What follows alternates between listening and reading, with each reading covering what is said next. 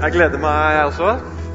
Så jeg synes det at, det at vi er sammen på den måten her, synes jeg bare er veldig, veldig, veldig fint. Eh, For vi har, vi har noe som er utrolig bra å feire i dag. Jeg skal forklare hvorfor jeg synes det, hvorfor vi har en god sak, hvorfor vi har noe å feire i dag. Fordi jeg tror, eller sannsynligvis i, i mange, lenge, lenge i, i eh, Europas historie så tror jeg en av de vanligste bønnene blant kristne i sørover i Europa Avslutningen av bønnene, kanskje, liker jeg å tenke, kanskje etter at de hadde bedt om eh, godt og tjenlig vær og bedt om det daglige brød, så tror jeg en av de vanligste slutten på bønnene av bedende kristne mennesker i Europa gjennom lange lange tider var omtrent sånn som det er. Å Gud, frels oss fra de onde vikingene. Amen. Jeg er ikke helt sikker, men det, er, det, det kan hende. Jeg tror kanskje det var sånn. At det, var, eh, det, var, det lå på leppene til bønnefolka lenger nedover. Fordi i dag så er det pinsedag. Det er 9. juni. I går var det pinseaften 8. juni. Og vi nordmenn, eller vi, kanskje litt, vi skandinaver, vi har et litt sånn tvilsomt jubileum å markere akkurat denne helga her. Det er riktignok ikke noe sånn veldig rundt tall, det her. Men um, likevel. For på akkurat altså denne helga, altså 8.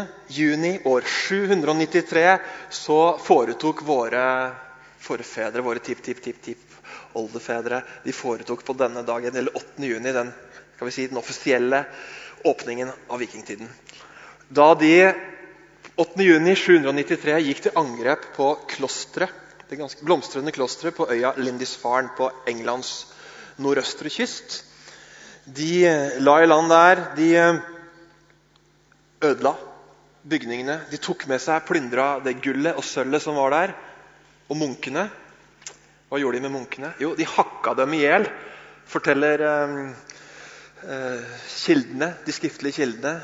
Og de de ikke fikk hakka i hjel, altså våre forfedre, hva gjorde de med det? Jo, de tok dem ned til vannet, dro dem ned til vannet og drukna dem. Så gratulerer med jubileet. Og i tiden som fulgte, da For da har historikere, når de skal si vikingtiden, når var den? Jo, den starta de har satt den til å starte 8.6.793.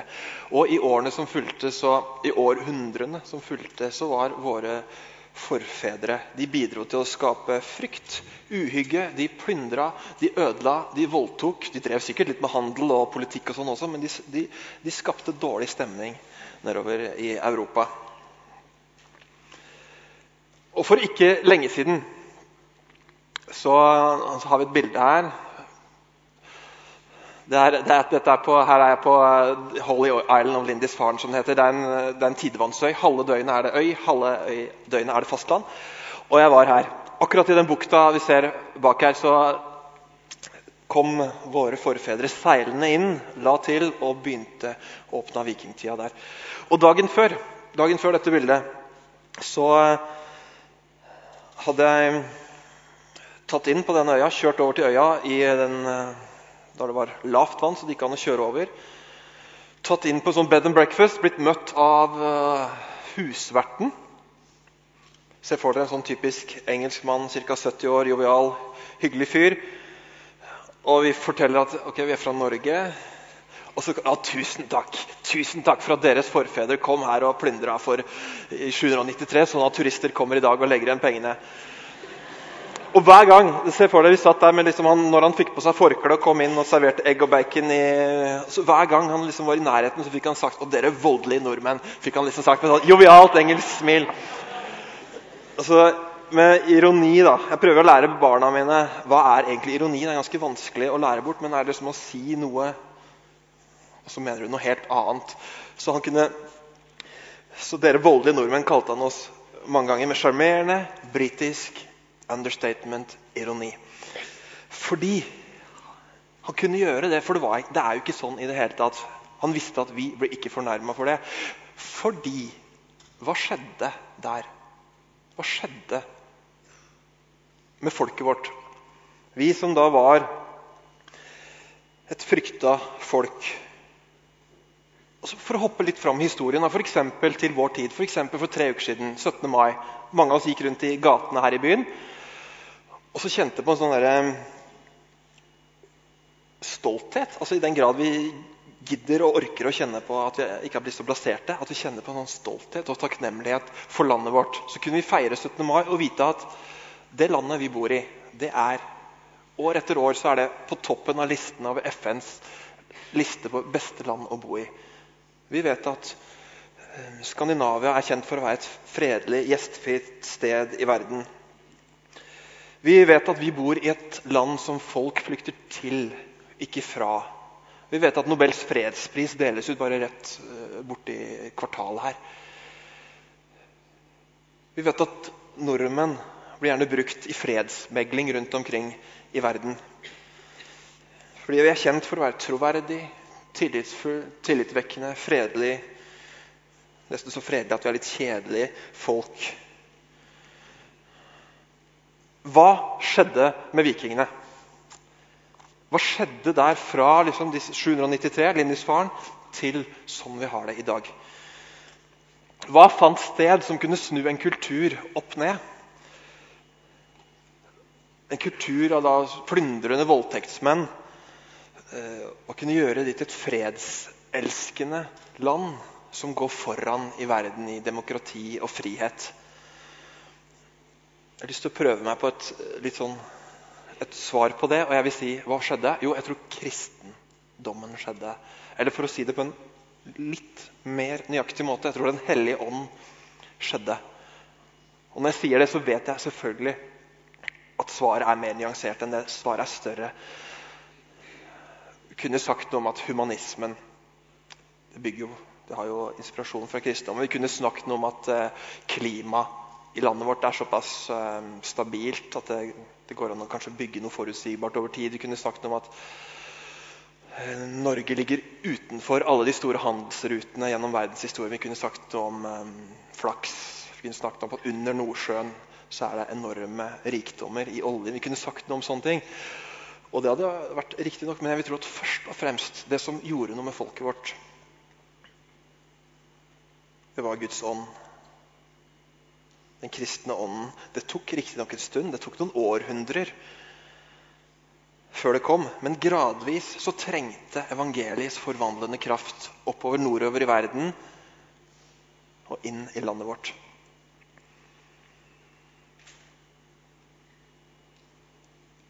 Jeg tror det var kristendommen som mer enn noe annet forandra landet vårt. Eller kanskje ikke kristendommen, men kanskje kristentroen. Ikke som et, sånt, ikke som et tankesett, ikke som en statskirkesystem, men som, som en ånd. Som, uh, som et annerledes folk. Slik at en husvert i vår tid på Lindisfaren kan stadig vekk si at dere er voldelige nordmenn. Med ironi, for vi skjønner at han mener det ikke på den måten. Regler, samfunnssystemer, statskirkeordning kan ikke forandre et folk, men Guds ånd kan det. Forvandlingen kom da med at Jesus-mennesker gikk en annen vei og viste en annen vei. Nå var det ikke plyndring, men barmhjertighet. Nå var det ikke hat, men nåde. Nå var det ikke frykt, men nå var det fellesskap, osv.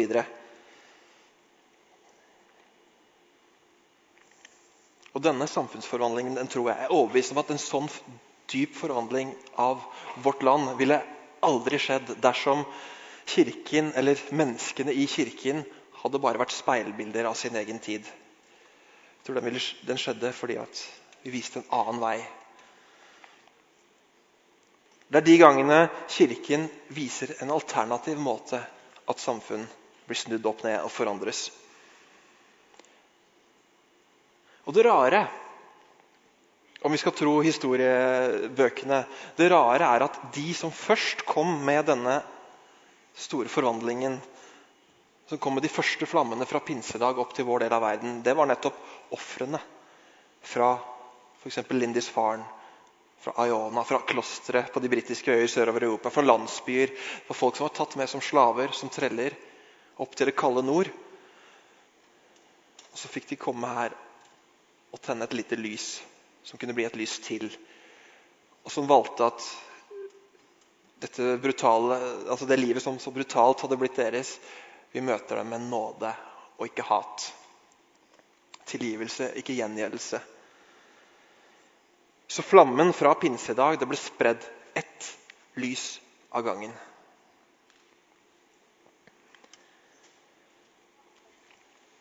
En pinsedag som i dag, det er en fin dag å se seg i speilet på. Å stå som Ola Nordmann eller Kari Nordmann foran speilet og så spørre seg hva skjedde med de plyndrende uhyggeskapende menneskene som vi en gang var. Hva, hva, skjedde der? Og da går det an, og så ser vi hva vi har blitt. Og da går det an i hvert fall tre måter det går an å, å gjøre det på, eller reagere på. Da. Det ene er å si OK, greit, greit nok. Samme det, liksom. Eller den andre er kanskje sånn som eh, å slå seg på brystet. Sånn som statsministeren vår gjorde i nyttårstalen for noen år siden og si at det er typisk norsk å være god. Eller den tredje muligheten, som ikke en statsminister, men en konge en gang gjorde da han skjønte at ok, her aner jeg at det står noe større. Her aner jeg at Gud står bak. Så kong David, Det står om kong David i, i 2. Samuels bok kapittel 7, hvis vi kan få det bildet. Hvis dere kan lese den lille skriften. Men det står Da gikk kong David inn og satte seg foran Herrens ansikt, og han sa hvem er vel jeg, Herre Gud, og hva er mitt hus, siden du har ført meg så langt? Så på denne pinsedagen så kan vi stå her og så kan vi vite det, og så kan vi si det at hva er vel vi, Herre Gud, at du har ført oss hit? At du har ført oss så langt som det her. Nei, veldig, veldig langt som du har ført oss, Gud. Pinsedag pinsen som fenomen jeg tror det først og fremst er grenseoverskridelse. Jeg tror først og fremst det er gjerder som rives, grenser som krysses. Og Det er det historien om pinse er. Jeg tror på en Gud som har klatra over alle grenser, over alle hindringer, for å komme til syvende og sist til meg og til deg. Det er en sånn Gud jeg tror på. Og Det begynte jo langt tilbake. Det begynte, når det begynte egentlig? Kanskje det begynte når Gud så en mann som het Abraham. Et menneske på denne planeten i universet og sa du, jeg har tro på deg. Ut fra deg så skal dette bli noe stort. Så skal alt sammen starte. Eller med Moses litt senere, da han eh, plutselig er der i en busk og plutselig kommer nær mennesket på en måte som ingen noen gang har opplevd før. Et skritt nærmere. Eller hvis vi går noen hundre år framover, så akselererer det virkelig når Gud kler på seg menneskeklær. Får hud, får et navn, får en adresse. Og blir Jesus fra Nasaret. Å gå inn i menneskenes tid, og så går inn over de grensene mellom himmelen og jorden. Mens han levde, så gikk Jesus over enda flere grenser. Han klatra over grensene for hva som var sosialt akseptabelt. Han, klatret, han brydde seg ikke om grensene over til de marginaliserte, de, de utstøtte, de svake. Han kryssa de grensene som ingen før han hadde gjort. på en måte ingen før han hadde gjort. Og idet han døde, så var det, et, eh, det var en hindring mellom Gud og mennesker. vet dere.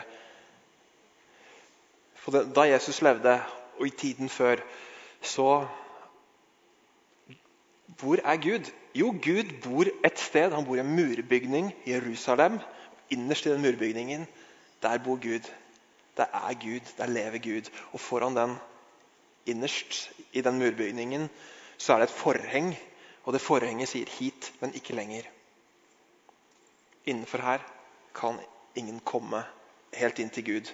Bortsett fra en gang i året kunne én utvalgt på vegne av alle mennesker gå inn. Da Jesus dør, så står det da revna forhenget fra øverst til nederst. Enda en grense. Så etter det så er det tilgang helt inn, helt inn til Gud. Helt inn i det aller helligste. Og um, pinsedag, da. Da vi kommer til pinsedag, eh, da kryssa språkets grense, kulturens grense. Men så kryssa også den, den, grensen av tid og rom. Så fra å ha vært Jesus fra Nasaret, gått rundt i en, en menneskekropp, så dro han fra oss Dro fra oss for at vi, han kunne være her alltid og bli alt i alle. Han sa at 'jeg må gå for å kunne være hos dere'. Det paradokset der. Han dro for å være her. For å bli alt i alle. Så Gud er det som krysser grenser. Pinsedag er den dagen som på en måte sprenger grensene bort. De siste grensene. Og I den eh, lange historien så er det at vi sitter her fra ulike kirker, det er, det er stor grense. Ofte er den veldig stor, men det er en, det er en liten, liten, grense i den store sammenheng. Det er så mange grenser Gud har kryssa for å komme til meg og til deg. Og Det er den, det er den ånden, det er den grenseoverskridende ånden som vi feirer i dag. Som et Guds pust. Det er som vinden, sier Jesus. Som Guds pust. Det står i begynnelsen av Bibelen i 1. Mosebok kapittel 2. Når Gud skaper verden, så står det at da formet Herren Gud mennesket av støv fra jorden. Og han blåste livspust i nesen på det. Og det ble en levende skapning. Gud blåste liv. Gud blåste sin ånd. Samme ordet. Pust. Ånd på hebraisk. Gud pusta det inn i oss, og så ble det liv. Så ble menneskene levende. Jesus, etter at han hadde kommet tilbake, etter at han på en måte har vært død og blitt levende igjen, så står han der sammen med disiplene, og så sier han Johannes evangeliet. Det står at han så åndet han på dem. Han åndet på dem og sa 'ta imot Den hellige ånd'. Han pustet, puster og skal puste. Han puster også i dag på sitt folk på pinsedag og sier 'ta imot Den hellige ånd'. Ta imot min ånd. Fra og med vikingenes herjinger har Gud pusta på oss, pusta på vårt folk, pusta på, på vårt land. Sånn at Norge har blitt forvandlet. Men da, vi er ikke ferdig med det prosjektet. Det er ikke noe som var. Det er ikke noe som har skjedd. Prosjektet pågår fortsatt.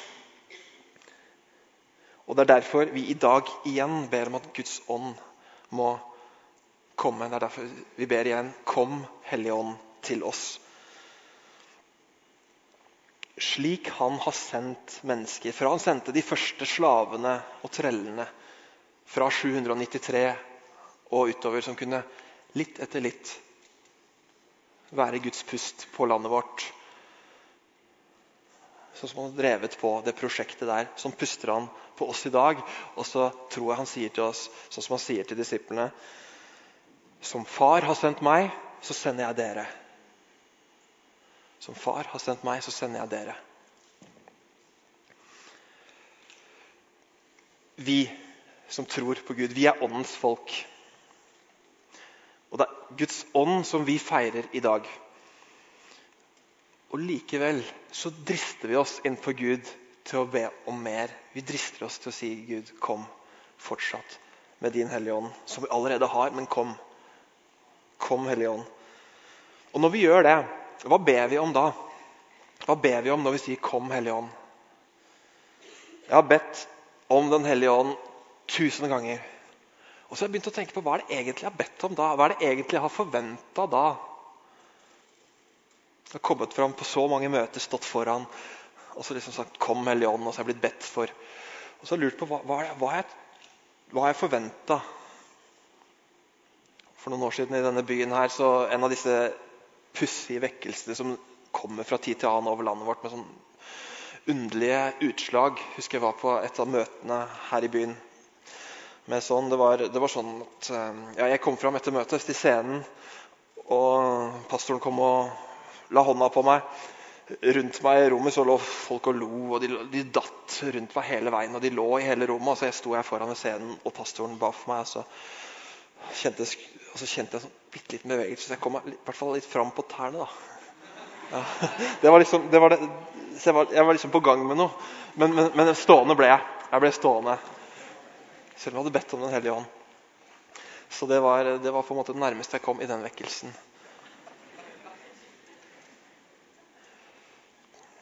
Står det ikke i de ti bud du skal ikke, skal ikke begjære din nestes opplevelse med Gud? Står det noe om det? Jeg er ikke helt sikker. Kjente litt på det i vinter. Jeg var i, brukte tre måneder med familien. Vi var på Hawaii. Eh, I et uh, miljø på et sted som var utrolig karismatisk. Utrolig sånn, eh, åndssøkende. Det var som om eh, fikk på en måte apostelgjerningen til å se ut som en litt sånn traust hverdagsfortelling. Til sammenligning noen ganger. Og så tenker jeg, også, Men i det var jeg ba Kom, Hellige Ånd, gjør noe med meg. Skap noe nytt. Eh, men hva er det egentlig jeg ber om da? Et epletre, f.eks. Når et epletre ber om kraft, hva ber det om da? Ber det om at vinden skal ruske greinene på det? sånn at det virkelig står og svaier? Eller ber det om å få lov til å bære epler? Og faktisk til syvende og sist ikke egentlig epler heller, men et nytt epletre er jo endelige frukten av et eple. Altså, Hva ber vi om? Hva vil vi bære fram når vi ber Gud om kraft?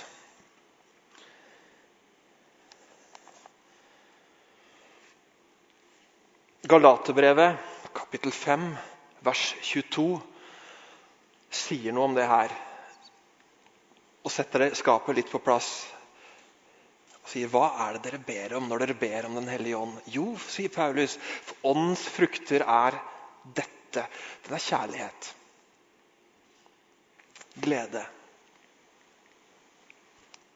Fred. Overbærenhet. Vennlighet var fem. Godhet trofasthet, ydmykhet, selvbeherskelse. Åndens frukter. Dette skal ligge igjen når Den hellige ånd har blåst over et land. De tingene der. Først og fremst dette, dette er åndens normaltilstand. Så om du kjenner noen folk som er prega av ydmykhet, trofasthet, godhet, selvbeherskelse. Da kjenner du noen åndsfylte mennesker. Og motsatt, hvis du vet om noen som sier at de har Den hellige ånd, men ikke har så mye av ydmykhet, trofasthet, godhet, vennlighet, da er det kanskje en eller annen feil et eller annet sted. Jeg tror på den ytre kraften. Jeg tror på den kraften som kan slå folk i bakken. Jeg tror folk, den kraften som kan få folk til å riste, få, få folk til å tale språk de ikke har snakka før. Jeg tror på en, en, kraft som kan reparere ødelagte kropper, sånn som min sønn fikk oppleve i vinter. At beina hans ble bra igjen. Jeg tror på en sånn Gud.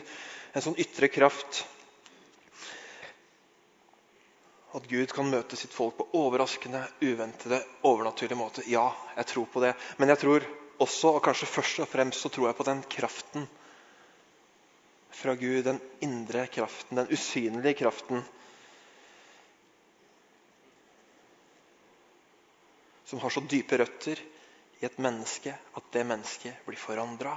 Og kanskje i neste runde at menneskene rundt dette mennesket blir forandra av kjærlighet av glede, av fred, av overbærenhet, av vennlighet og godhet, av trofasthet, ydmykhet og selvbeherskelse. Først og fremst en sånn ånd er det jeg venner meg til på denne pinsedagen og sier 'kom'. En sånn ånd som kan få et folk av brutale, fryktede, uhyggespredende mennesker til å bli et folk som bærer fred og godhet. Og likevel, som vi har vært inne på, selv om Gud har tatt oss hit, hva er vel vi, Herre Gud, at du har ført oss helt hit? du har gjort det, Gud. Vi er glad for det. Men vi, vi har ikke lyst til å Vi vil helst ikke bli altfor komfortable i vår egen tid, i vår eget samfunn. Vi vil helst ikke bli for veltilpassa. Vi vil hele tida fortsette, selv om vi er åndens folk, å fortsette å be om Den hellige ånd. Vi søker fortsatt mer. Ikke for vår egen tilfredsstillelse, men for byen vår, for landet vårt, for folkene rundt oss for at vi kan kunne fylle verden med kjærlighet, glede, fred, overbærenhet, vennlighet, godhet, trofasthet, ydmykhet og selvbeherskelse. Og når vi gjør det, når vi ber om det, og når vi er i det prosjektet der, da er vi samtidig kanskje mer og mer et svar på den bønnen vi har bedt så mange ganger. La viljen din skje på jorden, slik som himmelen.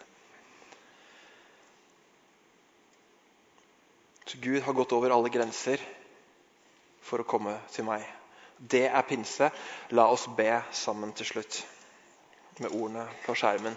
Kom, Hellige Ånd. Kom, pust på oss. Kom med din kraft, så vi ikke blir bare speilbilder av tiden vi lever i. Kom og fyll oss, slik at vi kan fylle verden med kjærlighet, glede, fred, overbærenhet, vennlighet, godhet, trofasthet, ydmykhet og selvbeherskelse. Kom, Hellige Ånd.